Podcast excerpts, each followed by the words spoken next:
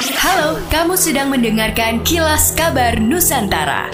Podcast persembahan KG Radio Network menyajikan berita harian yang mengangkat keunikan dari berbagai wilayah Indonesia. Kilas Kabar Nusantara dapat juga didukung oleh pengiklan loh. Dengarkan berita harian terkini dan terakurat yang mengangkat keunikan lokal dari berbagai wilayah di Indonesia. Podcast Kilas Kabar Nusantara merupakan hasil kolaborasi dari reportase liputan di 18 daerah di seluruh Indonesia. Persembahan KG Radio Network dan Media Podcast Network by KG Media hanya di Spotify. Tim Tabur Tangkap Buronan, Kejaksaan Tinggi Kalbar berhasil menangkap buronan kasus dugaan korupsi di Kabupaten Sambas, Kalimantan Barat selasa 25 Oktober. Tersangka berinisial EM tersebut bersembunyi di sebuah rumah kos di Jakarta Barat, DKI Jakarta.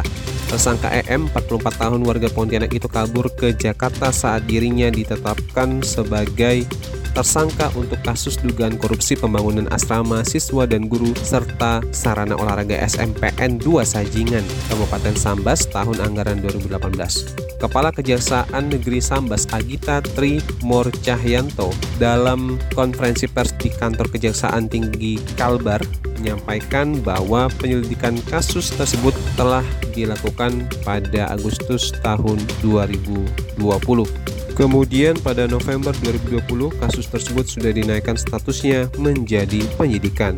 Warga desa Popontolan, Kecamatan Tumpaan, Kabupaten Minahasa Selatan mengeluhkan pembuangan limbah di daerahnya yang diduga berasal dari perusahaan yang beroperasi di wilayah Tumpaan.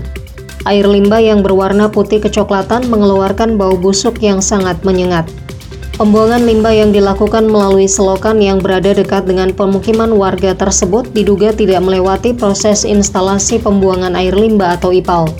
Nauka Sorangan, salah seorang warga Popontolan mengaku mengalami gangguan pernapasan dan juga gangguan kulit seperti gatal-gatal yang diduga adalah dampak dari pembuangan limbah tersebut. Pemerintah telah melakukan pembinaan kepada perusahaan tersebut untuk tidak membuang limbah dengan sembarangan karena memiliki dampak yang sangat buruk terhadap lingkungan dan meresahkan warga yang bermukim di sekitar perusahaan. Demikianlah kilas kabar Nusantara pagi ini.